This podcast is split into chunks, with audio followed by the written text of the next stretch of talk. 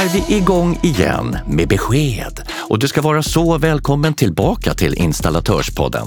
Ja, det här är en podd för dig som på något sätt verkar i samhällsbyggnadssektorn. Jag heter Leif Getelius och ska hänga lite skönt med dig i dagens avsnitt. Och jag heter Helene Stors och arbetar på bransch och arbetsgivarorganisationen Installatörsföretagen. Och idag så har vi det här på agendan. Vad kan man göra inom ramen för sin anställning och fortfarande ha kvar sitt jobb?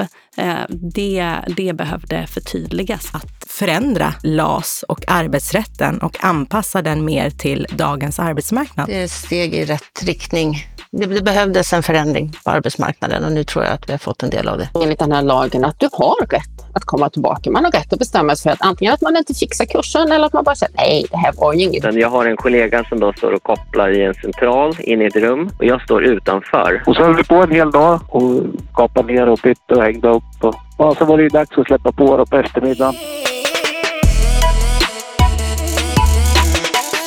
Sist in först ut, ja, det är ett begrepp som många kanske slänger sig med. Känner du till det Leif? Oh, ja det där är jag bekant med. Mm. Och en lång anställning kan kännas trygg medan en kortare anställning kan kännas mer bräcklig och skör. Så är det absolut och det där, det vet jag av egen erfarenhet. Jaha, säger du det? Japp, det här suräpplet fick jag smaka på i början av seklet. Under några år så signade jag en massa korttidskontrakt och till slut så var det tack och hej. Och det är ju det här som vi ska prata om idag, den här stora förändringen kring nya LAS. Ja, det här blir intressant, det vill vi höra mer om. Så vi tar in dagens första gäster. Kul med endast kvinnlig fägring i studion idag. Ja, och du då Leif? Ja, det är inte dumt. Tack för att jag får vara med. Och idag så har vi med oss två personer från installatörsföretagen som ska guida oss kring nya LAS. Så vi börjar med att välkomna Nina Burman Lundin till podden. Tack så mycket. Och du är arbetsrättsjurist på installatörsföretagen. Det stämmer. Och så säger jag välkommen tillbaka Barin Ösmen. Tack så mycket. Du var ju med en liten kortis i förra avsnittet också ju. Ja, men det var jag. Och du är ju biträdande förhandlingschef på installatörsföretagen. Lite kort, vad var det vi gjorde i förra avsnittet? Förra avsnittet eh, klippte vi in en liten sekvens eh, kring LAS, hur den såg ut i våras. Då vi fick svara på en fråga kring arbetsbrist och lite hur det funkar. Mm. Är ni sugna på att höra mer om det? Avsnitt 16 alltså då av Installatörspodden är vad som gäller. Men det här med LAS, ni kan börja beskriva mer vad, vad står LAS för egentligen? Ja, men LAS hör man ju ganska ofta nu och det vi menar när vi pratar i LAS det är lagen om anställningsskydd. Och det är alltså en lag som kom på 70-talet eh, och som är ganska mastig och som pratar om just arbetstagarens skydd i sin anställning. Eh, vilka, vilka krav som finns på anställningen, hur man får anställa, när man får säga upp en anställd och så vidare. Det är LAS. Och vad var det som inte var bra? Varför ville man gå in och förändra i LAS?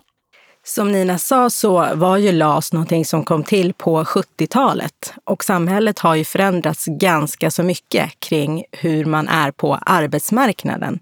Så man såg ett behov av att eh, förändra eh, LAS och arbetsrätten och anpassa den mer till dagens arbetsmarknad. Och det är också så att, att vissa delar av LAS har varit ganska svåra att hantera i verkligheten. Och det har varit ganska oklart för både arbetstagaren och arbetsgivaren vad det är som gäller. Kanske framför allt när det gäller uppsägningar. Eh, vad, vad, får man, vad kan man göra inom ramen för sin anställning och fortfarande ha kvar sitt jobb? Eh, det, det behövde förtydligas eller försöka göra lite mer förutsägbart. Ja, nu när nya LAS har kommit till så har jag hört att det ska bli lättare att säga upp en person. Eh, vad, vad innebär det? Ja, Egentligen ska det nog inte bli lättare att säga upp en person. Eh, det man har gjort är att man har byggt om det här systemet lite. Tidigare hade man ett väldigt stort skydd i sin anställning. Nu gör vi om systemet och säger istället att vi ska prata om ett skydd på arbetsmarknaden. Och då riggar vi både anställningsskyddslagen, LAS, eh, i det. Men vi lägger också på ett annat filter när det gäller möjligheten till omställning och omskolning eh, och bygger ett system så att arbetsgivaren faktiskt ska ha, eh, eh, vara attraktiv genom hela arbetslivet på arbetsmarknaden. Istället för att fokusera helt på bara, bara anställningen. Men, men det ska inte bli lättare att säga upp, men däremot ska det bli tydligare när jag kan säga upp. Vad kan jag som arbetstagare förvänta mig och vad kan jag som arbetsgivare agera på? Um, så i grunden inte lättare, men tydligare. Men är det någon för eller nackdel för någon part, arbetstagare eller arbetsgivare? Ja, men om man ska se till hela det här systemet, den här förskjutningen man har gjort från skyddet i anställningen till skyddet på arbetsmarknaden så kan man nog säga att de ändringarna som görs i LAS är till fördel för arbetsgivaren medan omställningsdelarna är det som balanserar upp och absolut till fördel för arbetstagaren där man får ett mycket en mycket större möjlighet till, till studier med, med bibehållen eh, ersättning, ersättningsnivå egentligen. Så att i sin helhet så ska det, då är det balanserat. Så på det sättet är det inte eh, fördel för arbetsgivarna. Men just LAS-delarna skulle jag säga ändå är, eh, gynnar arbetsgivaren. I de delarna när vi pratar just eh, anställning och uppsägning kan det ju vara mer till arbetsgivarens fördel. Men sen har man ju tillfört en hel del regler i LAS som inte fanns där tidigare, som nog är till arbetstagarens fördel mer. Det man säger är att heltid ska vara norm på arbetsmarknaden. Man ger en skyldighet till företagen att när de har haft inhyrd personal en längre period, att de måste erbjuda dem tillsvidareanställningar. Man måste vara tydligare kring när man visstidsanställer någon. Man har mycket större informationskrav. Ehm, så det beror lite på vart man lägger fokus, skulle jag säga. Mm. Och inte minst så blir, det också, blir man ju snabbare tillsvidareanställd istället för att ha en, en, en visstidsanställning och säga du är anställd från den här dagen till den här. Så får man istället snabbare en tillsvidareanställning som löper på. Så hur skulle ni beskriva nya LAS? Det är en hel del förändringar i nya LAS. Till exempel när man ska säga upp någon Eh, så har man tidigare behövt ha saklig grund. Det ändrar man nu. Eh, man ska istället ha sakliga skäl, vilket visar på en skiftning mot att man tittar mer på här och nuet. Det här gäller ju främst då vid uppsägning av personliga skäl. Eh, och då är det så att gör någon någonting som man som arbetsgivare inte tycker är okej, okay, så tittar man på just vad är det personen har gjort och hur mycket har de förstått att det här är fel? Och lite baserat på det kan man liksom gå vidare i uppsägningen. Man behöver inte göra de här avvägningarna som låg i saklig grund kring att man behöver göra någon framtidsprognos. Hur enkelt är det för den här personen att få jobb i framtiden? Har den en hög försörjningsbörda? Hur ser arbetsmarknaden ut? Och man behöver inte heller se, aha, finns det en chans eller en risk, eller hur man nu än ser det, att den här personen kommer bättra sig i framtiden. Tidigare har sånt varit hinder för att säga upp personer. Så att man skiftar grunden. Man säger att det inte är saklig grund som krävs längre, utan nu är det sakliga skäl. Och i de fallen när man hade saklig grund vid personliga skäl så fanns det tidigare en skyldighet att omplacera i mycket större omsträckning. Det man gör nu är att man skriver i lagtexten att omplaceringsskyldigheten som man behöver göra innan man ens hamnar i hela systemet, finns det en möjlighet att ge den här personen ett annat jobb hos mig, det behöver man bara göra i princip en gång. Eh, det gäller bara att personen förstår att nu omplacerar jag dig istället för att säga upp dig. Så att man har velat förtydliga liksom, när finns det sakliga skäl. En annan ändring i nya LAS det är undantagen eh, från turordningen i en arbetsbristsituation. Eh, där har man utökat möjligheten att göra undantag eh, så att man i lagen nu kan göra tre undantag. Alla företag kan göra tre undantag från turordningslistan, inte bara de här små företagen som det var tidigare. Eh, så det är en ändring.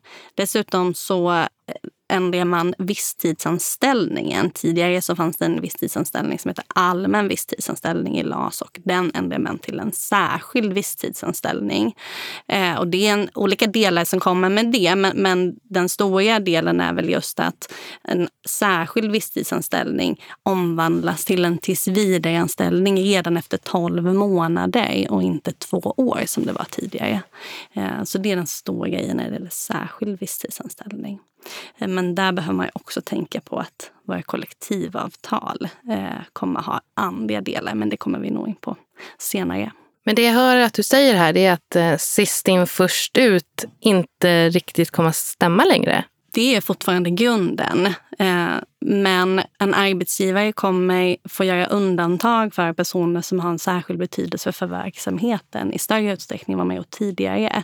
Men principen eh, sist in först ut ligger fortfarande som grund. Men det måste ändå vara en förhandlingsfråga, annars ska ju arbetsgivaren göra som hen vill vid en arbetsbrist som, som då kommer från en omorganisation av olika, antingen att man behöver dra ner på verksamheten eller att vi behöver justera verksamheten. Eh, då eh, har man alltid en, en skyldighet att förhandla eh, med facket. Och då eh, är ju det bästa alltid om man kan komma överens och titta tillsammans och se men vilka behov finns för verksamheten framåt. Eh, och kan man komma överens då med facket, då, då är det det som gäller. Eh, men så är det tyvärr inte alltid. Eh, och, och då är, trillar vi tillbaks på, på regelverket eh, med en turordning och då möjligheten att undanta ett visst antal arbetstagare. Och just möjligheten att undanta och göra bedömningen vem är av särskild betydelse för min verksamhet. Det är faktiskt någonting som man som arbetsgivare eh, kan besluta om. Eh, mm. Och det är väldigt svårt att angripa. Och så har det även varit tidigare, det vi pratade om i våras, när det var mindre företag som fick göra undantag för två personer. Nu har man ju då ändrat det så att alla företag får göra undantag för tre personer. Men själva bedömningen kring vem är viktig för min verksamhet, det har man alltid fått göra som arbetsgivare. Och det är egentligen en, en förlängning av den grundläggande principen att arbetsgivaren leder och fördelar arbetet. Och en annan förändring med nya LAS, det är att när man säger upp någon Eh, med anledning av arbetsbrist eller av personliga skäl. Och man har en tvist med anledning av det. Till exempel den anställde tyckte inte att man hade eh, sakliga skäl. Då var det så förut att eh, när man sa upp någon Eh, och personen bestred det, då fortsatte anställningen under hela tvistetiden. Så att tills dess att man fick en dom från Arbetsdomstolen kring vad som var rätt eller inte, så hade man en anställning pågående som liksom kostade arbetsgivaren en massa pengar. Med nya LAS så upphör anställningen efter uppsägningstidens utgång. Det vill säga man har inte en fortsatt anställning när man tvistar, utan anställningen tar slut och man kan i det läget sluta betala ut lön och så vidare. Det som istället blir, det är att kommer en domstol fram till att man har gjort fel i slutändan så blir skadestånden mycket högre. Men det här är en oerhörd fördel för arbetsgivaren. Alltså arbetstagaren får ju inga pengar under tvisten som kan dra ut på tiden rejält. Precis så är det. Eh, och då blir det ju lättare som arbetsgivare när vi då har tydliggjort vad är det som är sakliga skäl. Om man ändå är säker på sin sak, då är det lättare att säga upp och tänka att det här klarar jag med de kostnader som jag har räknat med. Annars så har det varit så att det har varit så enkelt för arbetstagaren att liksom tvista om det här. Och för att slippa betala ut lön under tvistetiden så har man liksom betalat någonting för att ta sig ur det här i förtid så att säga. Och då har man gjort så även i fall där man faktiskt har haft på fötter. Det vill säga att det har funnits sakliga skäl, ganska tydliga sakliga skäl eller saklig grund för att säga upp. Då har man ändå eh, löst det genom att, att betala. Och Nina, du var inne lite på det här att det kan finnas eh, olikheter i kollektivavtalen. Och jag tänker att när det kommer till installationsbranschen och uppsägningar på grund av arbetsbrist, kan du då skilja mellan de olika avtalen? Ja, men det kan det. Eh, och, och, det är en aspekt som man som arbetsgivare behöver på något sätt känna till. Att, att vissa delar i nya LAS, precis som tidigare, är eh, vad vi kallar tvingande. Det vill säga, det är lagen som gäller. Vi som arbetsmarknadens parter kan inte förfoga över de reglerna. Vi kan inte skruva och branschanpassa alla delar i LAS, utan vissa delar kommer in. Eh, andra delar, eh, till exempel då undantag från turordning, det är en regel som är så att säga dispositiv. Det vill säga säga att arbetsmarknadens parter kan branschanpassa det så att det skräddarsys för den branschen som man verkar i. Eh, och det har vi i vissa delar gjort eh, i våra kollektivavtal och de ändringarna eh, står sig i grunden. Dessutom så har vi också huvudavtalet som är en nyhet som kommer tillsammans med LAS. Eh, där, det, där det är ett nytt huvudavtal där Svenskt Näringsliv, LO och PTK eh, har kommit överens om eh, anställningsskyddsregler. Bland annat då eh, undantag från turordning. Så det är lite olika nivåer vi jobbar med här. Vi har LAS, vi har huvudavtal och vi har de enskilda kollektivavtalen. Härligt! Nina, du förde in oss på huvudavtalet. Vad innebär det, Barin? Ja, för att veta vad huvudavtalet är ehm, så tänker jag att vi backar lite eh, och tänker hur kom det sig att vi fick de här förändringarna på arbetsmarknaden? Eh, och det hela började egentligen med att arbetsmarknadens parter, eh, det vill säga Svenskt Näringsliv som, som organiserar arbetsgivarsidan och Eh, LO och PTK som, som organiserar arbetstagarsidan såg det här behovet av förändring. Och då började man att förhandla. Man började förhandla fram vad är det vi vill. Sen landade man inte helt i exakt alla delar och då plockade politiken upp det här istället eh, och föreslog att man skulle göra ändringar i LAS och så vidare. Eh, och då fick man som arbetsmarknadens parter en tid på sig att komma överens. Och skulle man inte komma överens, då skulle lagstiftaren gå in och bland annat ändra LAS. Det som hände var att det blev någonting mitt emellan. Eftersom man inte kom hela vägen så skedde vissa förändringar i lagstiftningen medan andra förändringar skedde i det som vi kallar för ett huvudavtal. Det vill säga ett avtal mellan de stora parterna på arbetsmarknaden, Svenskt Näringsliv, LO och PTK. Så att en del av anställningsskyddet och hur man säger upp eh, vid arbetsbrist och vad som ska anses vara sakliga skäl vid personliga personliga skäl, ehm, det ligger också i det som vi kallar då för huvudavtalet. Så initialt så var inte ambitionen att ändra LAS egentligen, utan man slog fast att en förändring behöver ske mellan parterna. Precis så. Och den svenska modellen som vi verkar i, vill, vi vill ju att arbetsmarknadens parter ska styra över alla villkor på arbetsmarknaden, mer eller mindre. Vi, staten eh, kan hålla sig borta. Eh, vi vill inte ha lagstiftning. Det vill ingen av arbets, arbetsmarknadens parter. Så det är klart att vi hade velat komma överens om hela paketet. Men nu lyckades man inte fullt ut. Men vi lyckades ändå med de stora delarna och, och där får vi väl säga att den svenska modellen har levererat. Men det här huvudavtalet, kommer det gälla för alla? Inte i nuläget. Vi vi ser gärna att, eh, att alla fackförbund tecknar det här eh, eh, avtalet. För det är nämligen byggt så att för att fackförbunden och kollektivavtalen som varje fackförbund tecknar ska lyda under huvudavtalet och det ska gälla, då behöver varje fackförbund ansluta sig till det här avtalet. Eh, och alla de fackförbund som vi tecknar kollektivavtal har inte gjort det i dagsläget. Eh, utan de eh, fackförbunden som vi tecknar kollektivavtal med och som har anslutit sig till huvudavtalet, det är tjänstemannaförbunden, det vill säga Unionen, Ledarna och Sveriges Ingenjörer och Seko men Byggnads och Elektrikerförbundet har valt att stå utanför huvudavtalet så det gäller inte på de kollektivavtalen som vi tecknar med, med dem. Men vad är skillnaden då? Jag tänker, vad fick man med i huvudavtalet som man då inte fick med i LAS?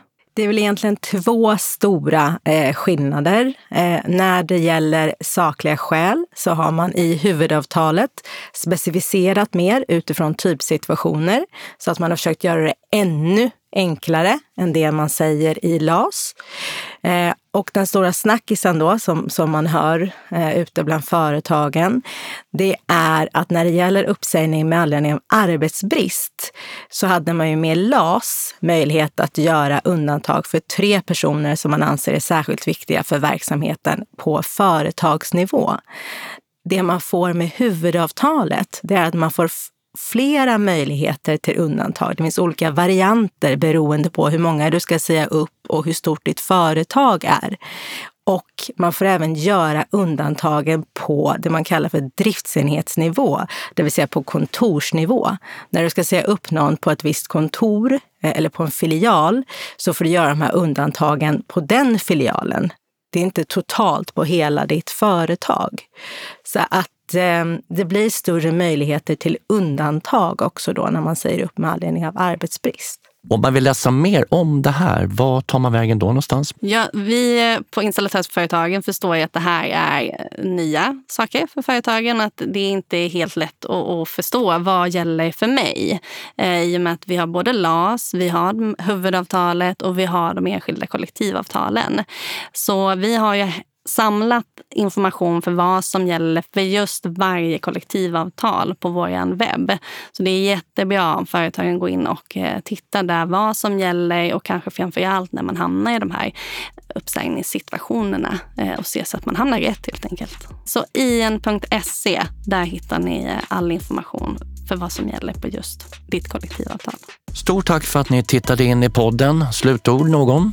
Ja, kanske att eh, det här är svårt eh, och vi förstår det. Det är stora ändringar och det är ett komplext system som, som, eh, och det kommer också landa så småningom. Men tills dess så är det bra att hålla sig uppdaterad på in.se men givetvis också slå oss en signal. Både vi centralt och också våra företagsrådgivare är, hjälper till när ni behöver. Återigen, tack för att ni kom. Tack, tackar. Då har vi bjudit in en företagare på länk här och nu. Marie Olsson, ägare till Elektriska AB Lennström. Välkommen! Tackar, tack, tack. Ja, vi pratar nya LAS idag. Känner du till den? Jag känner ju till att vi har fått en ny LAS. Sen kan jag väl inte säga att jag är jätteuppdaterad på hela den där texten, men eh, jag har väl tagit åt mig det som eh, rör mig eller oss framförallt. Ja, vad tycker du om förändringarna? Jag tycker att det är bra. Det är ett steg i rätt riktning. Det, det behövdes en förändring på arbetsmarknaden och nu tror jag att vi har fått en del av det. Är det någon speciell punkt som du åsyftar? Ja, det är väl framför allt det här med turordningsreglerna. För oss då som har fler än tio anställda så har vi haft ett problem att det är sist in som ska ut först. Och det är väl inte alltid jättelyckat med tanke på att det kommer in mycket ny kompetens och vi söker kompetens i bolagen och så kanske det är just den personen vi är tvungna att säga upp när vi får arbetsbrist. När vi är som mest sårbara ändå. Och det blir inte så bra. Så nu får vi ju faktiskt göra tre undantag, även om vi är fler än tio anställda. Har nya LAS påverkat er mest åt en positiv riktning med andra ord? Ja, det tycker jag. Nu har vi ju sista året inte behövt använda oss av, av det här med uppsägning på arbetsbrist. Men ehm, ja, som det ser ut nu framöver så vet vi ju inte och då är ju det här väldigt välkommet så att vi som sagt kan behålla den personal vi verkligen behöver för att ja, företaget ska överleva.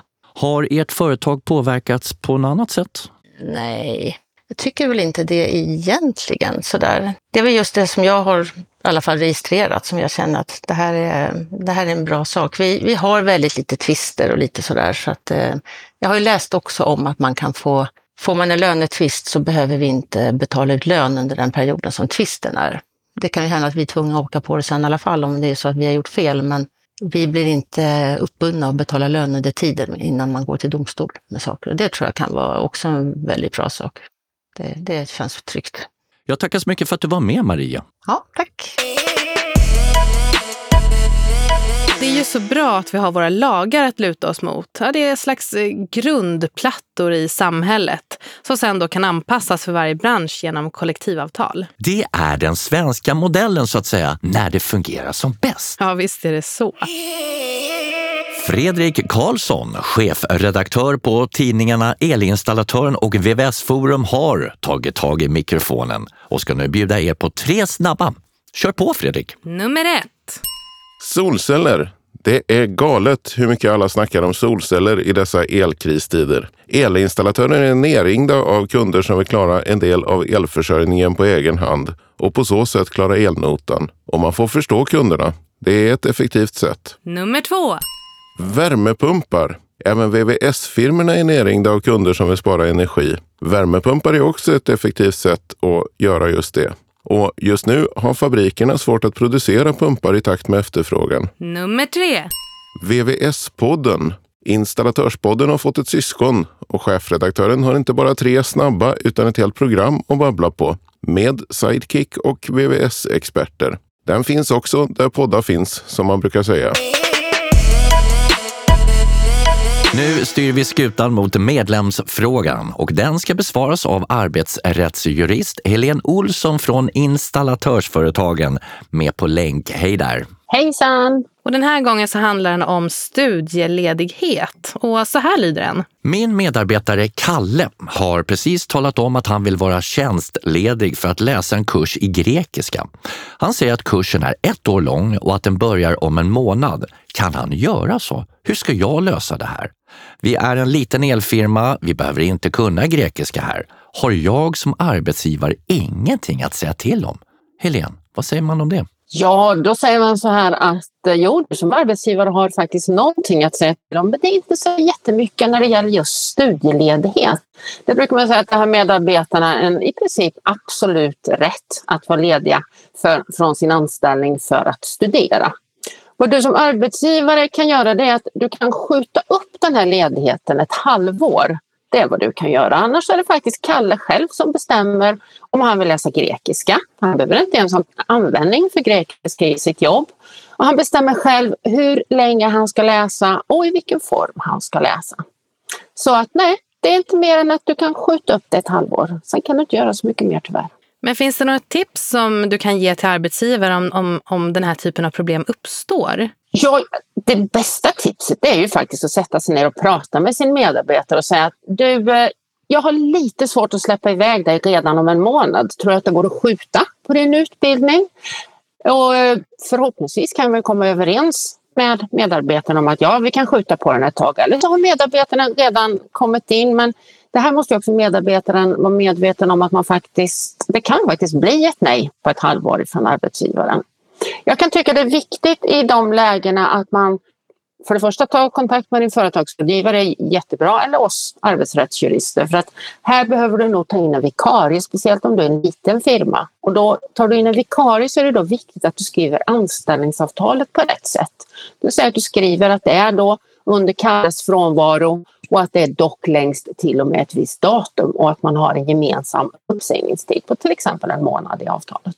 Ja, men det var intressant att du nämnde det där, för att om det är så att den här kursen inte var något för Kalle och han vill komma tillbaks och arbeta igen efter bara en månad eller två och, och, och man då har anställt någon ny i hans ställe, vad gör man då? Ja, och det är faktiskt så enligt den här lagen att du har rätt att komma tillbaka. Man har rätt att bestämma sig för att antingen att man inte fixar kursen eller att man bara säger nej, det här var ju inget, grekiska var inte så kul som jag trodde.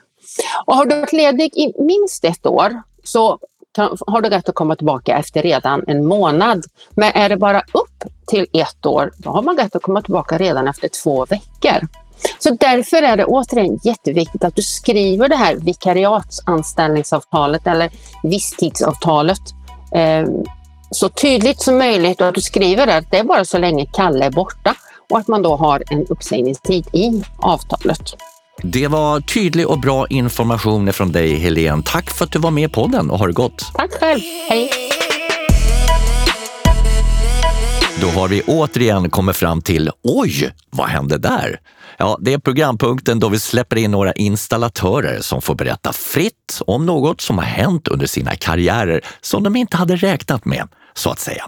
Och vi inleder med Niklas Alheden från BL El och Design. Ja, det var faktiskt när jag, det var tidigt när jag började som elektriker och eh, jag stod inne på en restaurang och jobbade. Då står jag utan, jag har en kollega som då står och kopplar i en central inne i ett rum och jag står utanför och jag blir skrämd av världens smäll. Ja. Då visar det sig att det är en kabel som har legat uppe på en kabelstege som har ramlat av kabelstegen och rakt in i centralen och då kortslutit en 400 ampere säkring. Så jag ser att det är som, det skjuts ju splitter ur det där rummet.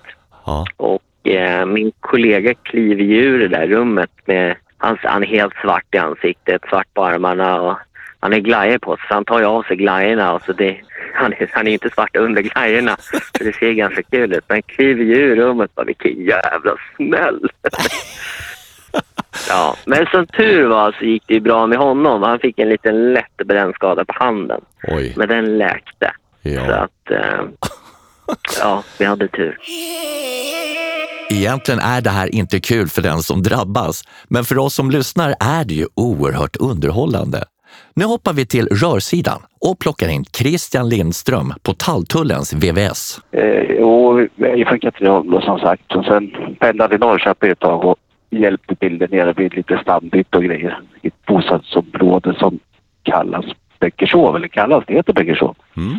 Och då var det dags för att byta eh, rörstråk i källaren då. Det var gammal galvledning vi skulle byta, där är en tvåtumsledning. Och sen hade de även en gammal varmvattenledning då som låg bredvid förstås. Och vi var på och frågade om vi inte skulle byta den också. Nej, de tyckte koppar, det var ju fräscht fortfarande även fast det kanske var från 50-talet.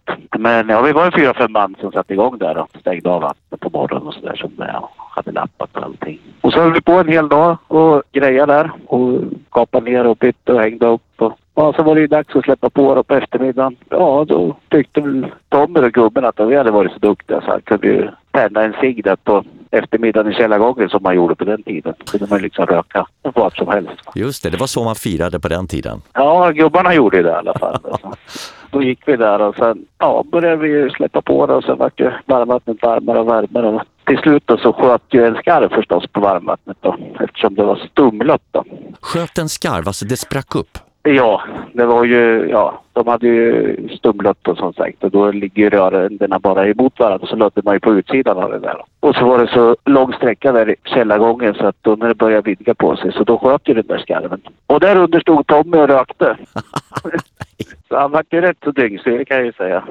Och cigaretten den hängde ju som jag, jag vet inte vad. Det här såg rätt komiskt ut i alla fall. Ja, sen eh, kom de ju dit och pumpade ur hisschaktet och grejer där. Det blir ju rätt så mycket vatten då. Sen lödde vi om den där skarven då, för det var det enda vi kunde göra då.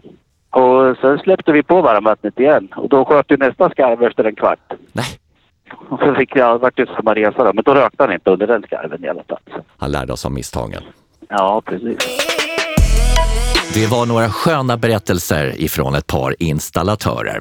Har du möjligtvis också varit med om något som kan tänkas kvala in i vår programpunkt Oj, vad hände där? Då kan du dra ett mejl till info igen.se, alltså info igen.se. Ja, Leif, då är det dags att avrunda det här avsnittet. Va? Redan? Ja, men det är ju det. Ja, ja, men okej. Återigen har jag ändå lärt mig så otroligt mycket av alla våra gäster och det hoppas jag att du som lyssnar också har gjort. Och som vanligt så vill vi att du kontaktar oss om du vill vara med i den här podden eller om det är något särskilt som du önskar att vi ska ta upp. Det här är ju faktiskt branschens podd, din podd. Jaha, men vilka vägar finns då och tillgång för att komma i kontakt med oss? Skicka ett mejl till info.im.se eller följ oss i sociala medier där vi är aktiva på LinkedIn, Twitter och Facebook. Alltså, vi är ju överallt, Helene. Ja, vi är ju det. Till nästa gång, ta hand om dig. Hej då!